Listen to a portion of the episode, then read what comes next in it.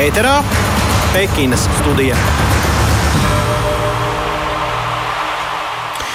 Pekinas studija, un šis ir mūsu pirmais raidījums. Debitējam ar Pekinas studiju, bet princips līdzīgs kā tas jau bija arī Tokijas studijā, Tokijas Olimpisko spēļu laikā. Jā, kā jau tu Jāni minēji, es, Mārtiņš Kļavnieks, mans kolēģis Andrejs Ciliņš, pamīšus vadīsim šīs studijas, un šodien sāksim ar pašu pašu pirmo, jo nu, šodien ir tā lielā diena, kad atklāšanas ceremonija, un tad spēles tiks atklāts pa īstam. Nu, jāsaka tā, ka visi Latvijas delegācijas, 57 sportisti jau ir ieradušies Pekinā, tur aizvada treniņus iekārtojas viesnīcas numuriņos. Uh, interesants ziņas pienāk no Ķīnas, ka tur uh, vietējie ļoti rūpīgi visus skafandros dezinficē un pat ņem covid testus no leduskapja rokturiem. Arī tādi video ir redzēti un diezgan um, čābīgi saprot angļu valodu un izmanto tādu īpašu rīku. Bet to mēs arī pajautāsim um, mūsu Latvijas radio kolēģim Mārim Bergam, kā tur īsti ir. Vēl šodien programmā, protams, runāsim par um, atklāšanas ceremoniju, kas gaidām, un ne tikai par to, arī, protams, par eh, daudz ko citu, kas līdz šim jau ir noticis, bet eh, šodien, starp citu, tāda simboliska diena, jo tieši šodien eh, savu 50. dzimšanas dienu svin bijušais biatlonists Nagano un Salt Lake City's Olimpisko spēļu dalībnieks Jākaps Nākums, kurš ir piedalījies tātad divās Olimpiskajās spēlēs un nu, ar viņu vārdu, protams, arī saistās Latviju un Olimpiskās spēles. Bet tagad maza atelpa un tad jau ķeramies klāt Pekinas studijai. Pekinas studija. Jā, un uh, uzreiz ķersimies, uh, vērsim pie ragiem. Mums tiešraidē ir pievienojies Latvijas radio korespondents uh, Pekinā Māris Bergs. Māri, labrīt, vai tu mūs dzirdi? Sveicināti kolēģi, sveicināti arī Latvijas radio klausītāji. Jā, es jūs dzirdu, cerams, ka arī jūs mani dzirdat. Pekinā sniega? Nē, Pekinā visas šīs dienas ir bijis ļoti saulains. Šodien gan ir diezgan stiprs tāds brāzmains vējš, nav pārāk patīkami. Saulītē stāvot vēl ir puslīdz normāli, bet tiklīdz kādā ēnainākā vietā tur gan nekāda prieka ārā atrasties vairs nav. Jā, Mārcis jau no paša uh, nedēļas sākuma atrodas Pekinā, ir tur iedzīvojies un jau sācis strādāt, arī jau pirmos materiālus atsūtījis uz Rīgas Māri.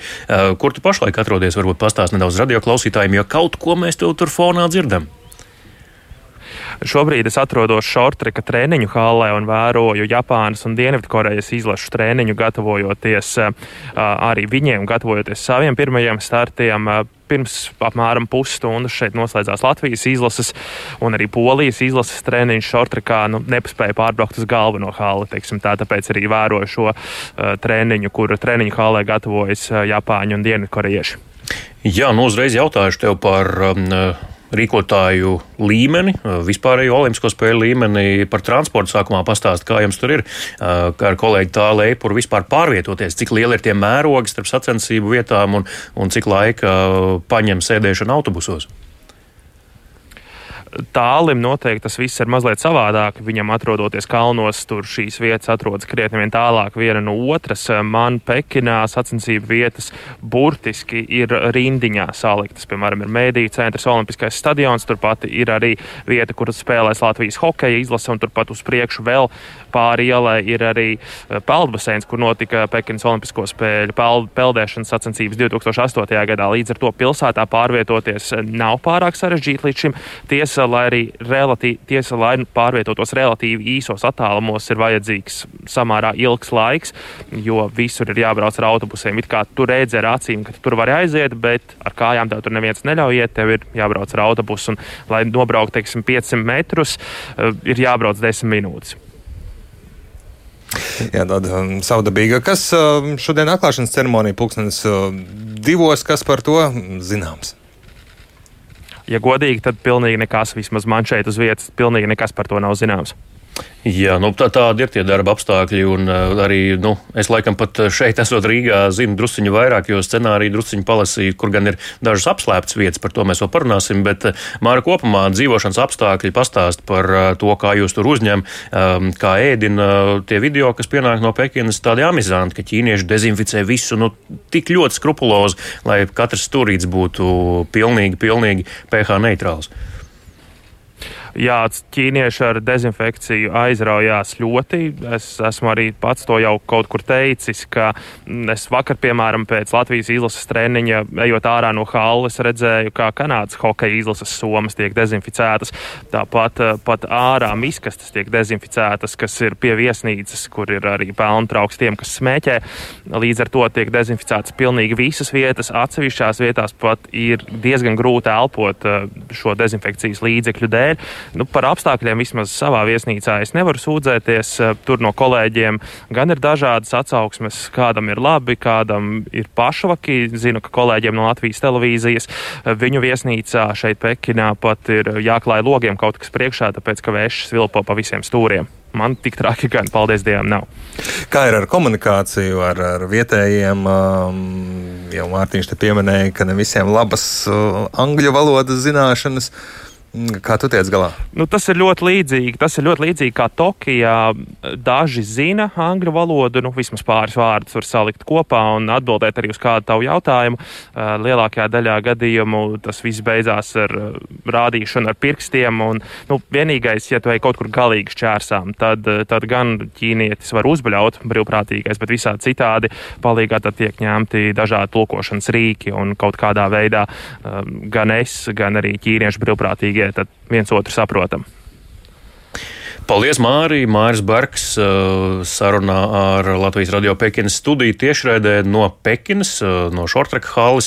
Uh, un gaidīsim, protams, Māra ziņojums arī turpmāk. Viņiem ar tāli tāds spraiks darba cēliens priekšā, un viņiem būs jāziņo par to, kas tad īsti Pekinā notiek un kā latviešiem veicas sacensībās un treniņos. To viņi arī dara un darīja jau arī iepriekšējās dienas, jau kopš ieradās Pekinā, un tad varbūt arī nedaudz pastāstīšu, kas līdz šim tad ir noticis. Eh, Latvijas sportisti vakar aizvadīja treniņu um, kamariņbraucēji, gan vīri, gan dāmas. Tāpat arī iepriekš trenējās skeletonisti, arī bobsleisti. Mm, visi kā viens atzīst, ka trase ir ļoti labi sagatavota, labi ledus profili izskrāpēti, kā viņi paši izmantoja šo terminu. Bet, bet viltīga, vai ne? Bet ļoti viltīga, jā, jo tas princips ir eh, šai trasei kāds. Atceramies Vankūveru pirms 12 gadiem, 2010. gads. Tur tā trase bija absolūti, sauksim lietas īstajos vārdos vārdos eh, pārāk pārgalvīgi. Mm, Turpat eh, bobslēga četrnieka ātrums varēja sasniegt 160 km/h, ja nekļūdos, kas ir zvērīgi ātri šādās trasēs un spiedieni milzīgi. Un tur tikai labākie tika vispār līdz lejai. Tur bija jāturās eh, un ja bez mazo jālūdz Dievs, lai tu dzīvs tiec lejā. Tad tagad pēdējos gados tomēr olimpiskās trases tiek veidotas tādas, lai arī viss, teiksim tā, eksotiskāko valstu pārstāvi var nobraukt līdz beigām, negūst traumas, nekrīt, bet uh, tās laika rezerves var atrast tikai meistarīgākie. Līdz ar to ir savi knifiņi, kas arī latviešiem jāatkož. To atzina gan kamana braucēji, gan arī bobslēgti un mm, skeletonisti. Pekinas ledus ovālā vakar trenējās arī ātris lidotājs Haralds Silovs, kurš startēs 1500 metros un arī savā kroņa disciplīnā māsu startā. Iepriekšējās Olimpiskajās spēlēs atceramies viņam ceturtā vieta, tikai solis no medaļas tieši māsu startā. Jā. Bet, Varbūt šoreiz. Cerēsim, jā, un cerēsim, ka tā arī būs. Silos arī Latvijas radio gan neslēpa, ka šīs spēles ir nu, tādas īpatnējas dažādo drošības apsvērumu un pasākumu dēļ. Varam paklausīties, ko Latvijas radio sacīja Haralds Silovs.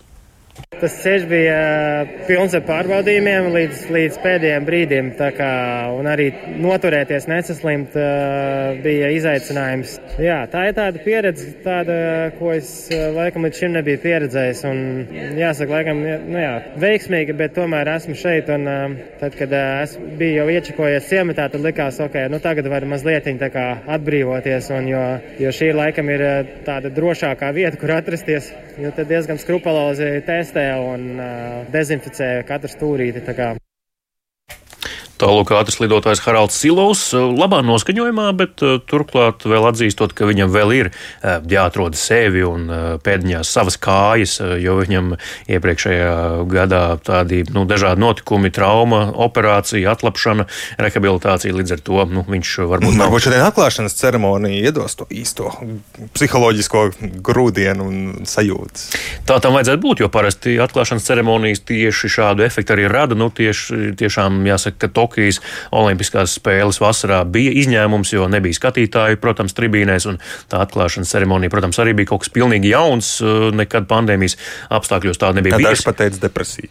Jā, daži arī tā izteicās. Šī ir otrā jau pandēmijas laika Olimpisko spēļu atklāšanas ceremonija. Varbūt, ka būs Olimpiskā komiteja jau kaut ko pateikusi atlētiem priekšā, kā varbūt justies, kā darīt labāk, lai iegūtu tās pozitīvās emocijas. Šodien tātad pulksten divos pēc Latvijas laika atklāšanas ceremonija tikai aptuveni simt minūšu ilgs tā, jo pandēmija arī ļoti augsts ir Pekinā. Tā vismaz pienāk tādas ziņas.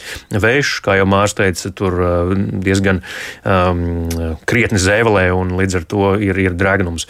Tāpēc uh, negrib arī sportistus pārāk nosaldēt. Rikotāji. Ļoti labi man šķiet, jo parasti bija tā atklāšanas ceremonija un rezervē pusdienu, lai redzētu, kā viss tur iet un ieraudzītu to Latvijas. Ražakam, tā, kam būs mazāku brīdi redzami tie mūsu Latvijas sportisti, visticamāk mūsu delegācija, bet uh, simts minūtes jau nu var izbrīvēt dienas vidū. Es domāju, ka jā, un uh, nu, par to, kas varētu būt gaidāms atklāšanas uh, ceremonijā, es jau iepriekš minēju, ka esmu pārlasījis drusciņu to programmu, to, ko vismaz publiski mm, radīja pieejamu Pekinas spēļu rīkotāji. Tur daži, daži lauki ir aizklāti, piemēram, kas tad aizdegs olimpisko lāpu Olimpiskajā stadionā, bet kopumā, jā, kā jau minēju, simts minūšu ilga šī ceremonija. Vakar Olimpiskās lāpas vienā no pēdējiem etapiem uz Lielā Ķīnas mūra piedalījās arī Holivudas aktieris Džekijs Čants, kurš zinām no dažādām asu sižeta filmām. Viņš veica aptuveni pusotru kilometru pa Lielo Ķīnas mūri. Pēc tam uh, medijiem atzina, ka ir ļoti laimīgs, bet ir ļoti nosalis. Tas tā arī varētu būt. Atklāšanas ceremonija notiks stadionā Putna Līgzda, kur notika arī 2008. gada vasaras spēļu atklāšana. Pekina ir pirmā pilsēta vispār vēsturē, kas sarīkojas gan vasaras, gan ziemas spēles. Uzstāšoties aptuveni 3000 ceremonijas dalībnieku, vairums 95% būšot pusauģi. Nezinu, kāpēc tā, bet nu, tāds, tāda ir izvēle. Priekšnesumu stāstīs par Ķīnas 5000 gadu seno vēsturi. Caurvījošs vadmotīvs būs sniega pārsliņa. Tas daudz kur parādīsies, tā vismaz scenārijas vēsture. Nu, varbūt, jā, ja mēs tādu salīdzinājumu vai pārnestā nozīmē to tulkojam, bet um, nu, sniega pārsliņa droši vien simbolizējot tieši ziemu, ziemu un protams. kā ziema caurvīgi arī Ķīnas vēsturī. Par to noteikti tiks stāstīts. Valstu parādē Latvijai 66. kārtas numurs, uh, gandrīz tieši nu, pa vidu. Numerologi sarauc uz acis un visu pārējo droši vien šo skaitli nu, ieraudzot. Iespējams, jā. Bet varbūt tas uz veiksmi, varbūt ne. Redzēsim. Kopumā 138 valsts uh, soļos šajā atklāšanas ceremonijā, Lat ceremonijā Latvijas karogu nesīs uh, kamnī braucēja Elīze Tīruma un Latvijas hokeja izlases kapteinis Lauris Dārziņš. Un Laurim arī pirms viņš devās uz Ķīnas vaicāja, vai mājās paņēma kādu karoga kātu un patrenējās. Tu arī varbūt ne tikai noju tur rokās, bet kādu karogu kātu ar pamēģinājumu mājās, vai tas pagaidām vēl nav bijis? Nē, es uzticēšos savām iemaņām, jo tomēr es to nu, skraidu visu mūžu. Protams, karoks ir, ir, ir lielāka atbildība, lielāks gods, bet, bet es domāju, es tikšu to galā. Kā tu vispār jūties par šīm spēlēm? Nu, tas laikam būs tāds neparedzams notikumu kopums, laikam viss, kas tur notiks. Jā, un nu, Tāpēc jau mēs sportu mīlam, ka viņš ir e, neparedzams. E, šī gadījumā, protams, kas saistīts ar, ar visiem tiem vīrusiem un, un analīzēm, viņš ir kļuvis vēl neparedzamāks. Tomēr gribās, lai, lai, lai ledus izšķir, kur ir tā labākā komanda, kur būs e, tabulā augstāk. Bet ir, jā, ir nākuši klāt kaut kādi papildus komponenti, kas var ietekmēt spēļu rezultātus, un tam ir jābūt gataviem. No visiem, visiem beigās jau tie protokoli, noteikumi ir vienādi. Nobeigumā tā kņudoņa pakrūtē tev līdzīgi kā bija pirms astoņiem gadiem, kad uz Sočiem lidojāt? Ir, jā, ir, ir kaut kāda jau pieredze uzkrājusies eh, bagāžas. Vēl joprojām ir eh, kaut kādas patīkamas gaidas un satraukums. Viss vēl, vis vēl notiek. Nav nekāds, kā lai saka, vienaldzība, un pie tā nevar eh, pierast. Ja? Tāpat tas, tas sports tev dzen uz priekšu, vēlme pēc medaļām, diplomiem un, un, un tādām lietām cīnīties. Un, un, protams, Olimpiāda ir, ir vispār lieliska platforma. Tu to dari pa godu savai valstī. Jā, lūk, Lauris Dārziņš, Latvijas delegācijas karognesējs, viens no diviem šodien atklāšanas ceremonijā, jo arī kamariņu braucēja Elīza Tīruma. Um, kopā viņi abi nesīs uh, Latvijas karogu pirmās ziemas spēles, kurās divi karognesēji, pirmās spēles kopumā, olimpiskās spēles, kurās divi karognesēji bija Tokijā. Uh, šeit ir ļoti laba tradīcija. Man Jā, patīk. tagad uh, iespējams, ka daudzi pat labāk zinās, kā šo tradīciju pielietot praksē, jo Tokijā bija tā neveikla, ka cits uh, kungs stalts paņēma karogu rokās un dāma gāja pie, pie viņa viena vai otra pleca vienkārši blakus. Uh, mums uh, tomēr Agnes Čavars un Aļona Stapenko kopā abi turēja. Nu, Agnim varbūt uzņemoties to smagāko masta galu, bet Kā būs šodien, redzēsim, kā veiksies Laurim un Elīzai, bet eh, šobrīd mēs esam tiešraidē sazvanījuši bijušo Latvijas Olimpiskās komitejas prezidentu Aldonu Vrobļevski. Viņš klātienē vērojas daudzas vasaras un arī ziemas Olimpisko spēļu atklāšanas ceremonijas. Labrīt, Aldon! Labrīt! Jā, jūs esat uh, bijis 2008. gada atklāšanas ceremonijā šai pašā stadionā. Cik tas ir praktiski piemērots šādām parādēm? Nu, parādēm šis stadions ir piemērots ļoti. Gan viss tas, kas ir izbūvēts virs zemes, gan 6-7 stāvi zem zemes, tur viss var notikt un notiek ļoti precīzi. Jā, un uh, atceraties kaut ko īpašu spilgt, varbūt no 2008. gada atklāšanas ceremonijas, uh, Latvijas delegācijas iziešanu vai varbūt ko citu. Tur bija tie daudzie ķīniešu bungotāji, es atceros. Uh, Nu, pirmkārt, ķīnieši ļoti precīzi visu bija noorganizējuši, un, un uh, tiem, kas piedalījās, nebija gandrīz nekāda problēma. Uh, jā, tur bija bungotāji kā priekšnesumi uh, un arī priekšnesumiem pa vidu. Uh, bet, nu, protams, saviņojošākais vienmēr, jebkurā atklāšanas ceremonijā ir, ka tu sagaidi, ka tavs valsts delegācija izsoļo. Uh, jā, uh Turpināsim ar uh, nelielu uh, jā, analīzi varbūt par Latvijas delegāciju. Vrbļevska kungs, um, ko jūs gaidāt no šīs te sportistu grupas uh, Ziemas Olimpiskajās spēlēs Pekinā? Varbūt jums pašam kādi favorīti? Nu, šī komanda ir, manuprāt, gan nopelniem bagāta tādā titulu ziņā, gan arī pieredzējusi, gan arī pietiekami uh, pietiekami jauni, lai būtu cerības uz nākamajām uh, ziemas spēlēm. Tā kā es, es pievienojos tiem, kas vērtē šo komandu kā jaunību un pieredzi, nu un uh, zinot iepriekšējo spēļu, uh, teiksim, panākums, kādi ir bijuši ziemas sporta veidos, sevišķi uh, renes sporta veidos, nu, tie paši droši vien arī ir tie galvenie favorīti. Otrās Olimpiskās spēles jau ar uh, pandēmijas laikā. Uh, nu, cik klātesošs vai sportiskos rezultātus iespaidojošs Covid-19 jūsuprāt varētu būt un kā tas maina šo sacensību norisi? Nu, man grūti, man nav tādas pieredzes uh, pandēmijas laikā piedalīties kādu sacensību organizēšanā. Uh, Uh, bet uh, es domāju, ka tas uh, nu, noteikti iespaido sportistus un trenerus un, un visus, kas organizē, jo tas pandēmijas, tas, kā saka, nervu spriedze spiež un spiež uz smadzenēm arvien vairāk, un jo ilgāk tas velkās, jo smagāk tas ir. Protams, sportisti ir profesionāļi, Viņi pierod pie visām tām prasībām, un, kā jau Mārtiņš Dukurs intervijā teica, mēs jau neesam atbraukuši uz kurortu, bet sacensties. Bet, bet noteikti tas iespaido un uh, tas arī spēja parādīt, uh, kuriem, teiksim, tā galviņa uh, ir pietiekami stipra un, un nervi stipri, lai izturētu jebkuros apstākļos. Bet tā vērtējot nu, no tāda ne tikai sportiskā aspekta, bet kopējā, vai jūsuprāt, tas ir nu, godīgi, ka ir šāds nu, neredzamais ienaidnieks visu laiku šajās Olimpiskajās spēlēs, un tu vari būt trenējies cik labi gribi, tu vari būt uh, pasaules ranga līderis, bet iespējams nemaz nedrīkst iekāpt lidmašīnā uz Pekinu, uz atbildīgākajām četrgadas sacensībām tikai tāpēc, ka konkrēts tests tev bijis pozitīvs.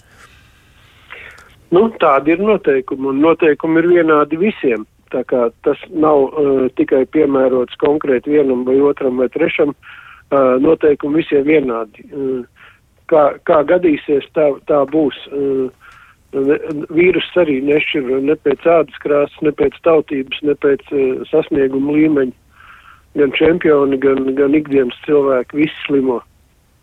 Jā, un nobeigumā vēl uh, Vrubļevska kungs, jūs arī esat, kā jau minēju, bijis daudzās atklāšanas ceremonijās, gan ziemas, gan vasaras spēlēs. Daudz apspriesti vienmēr ir atklāšanas parāds tērpi, kādi tie ir citām valstīm, un, protams, arī Latvijai. Šoreiz, cik es saprotu, tad sportisti ies šajās gaišajās jakās un cepurēs, kādi arī devās prom uz Pekinu, kādus viņus fotografēja lidostā. Kopumā varbūt jums pašam ir kāds viens tērpa favorīts tajā gadu griezumā, jo es atceros, nu, ka 92. gadā Albertvils spēlēs tur nu, vilka to, ko principā tajā laikā vispār varēja dabūt. Tas, starp citu, pirms 30 gadiem tieši notika ap šo laiku. Mm, arī Barcelonā tur bija savi, savi, savas aizkulises un, un problēmas gadu gaitā. Protams, nodrošinājums ir daudz labākā līmenī. Jums pašam ir kāds tērpu atklāšanas parāds, tērpu favorīts? Nu, man no vasaras spēlēm uh, vislabāk ir patikušas meitenēm tās uh, kleitas, kas bija Rio spēlēs 2016. gadā. Bet tā no, no ziemas uh, tērpiem, uh, protams, pirmās spēles, uz kurām uh, Bruno Birmans speciāli bija dizainējis tērpus, kas bija līdzīgi 30. gadu tērpiem. Pelēki meteļi, pelēks hūts, viss izgatavots Latvijā, sarkanbalts, sarkana šalle tas bija gan emocionāli, gan arī vizuāli diezgan iespaidīgi. Paldies! Kādreizējais Latvijas Olimpiskās komitejas prezidents Aldons Vrubļevskis bija Latvijas radio Pekinas studijas sarunbiedrs tiešraidē šajā rītā. Paldies, Vrubļevska kungs, par sarunu. Un mēs. Paldies un lai veids mūsējiem!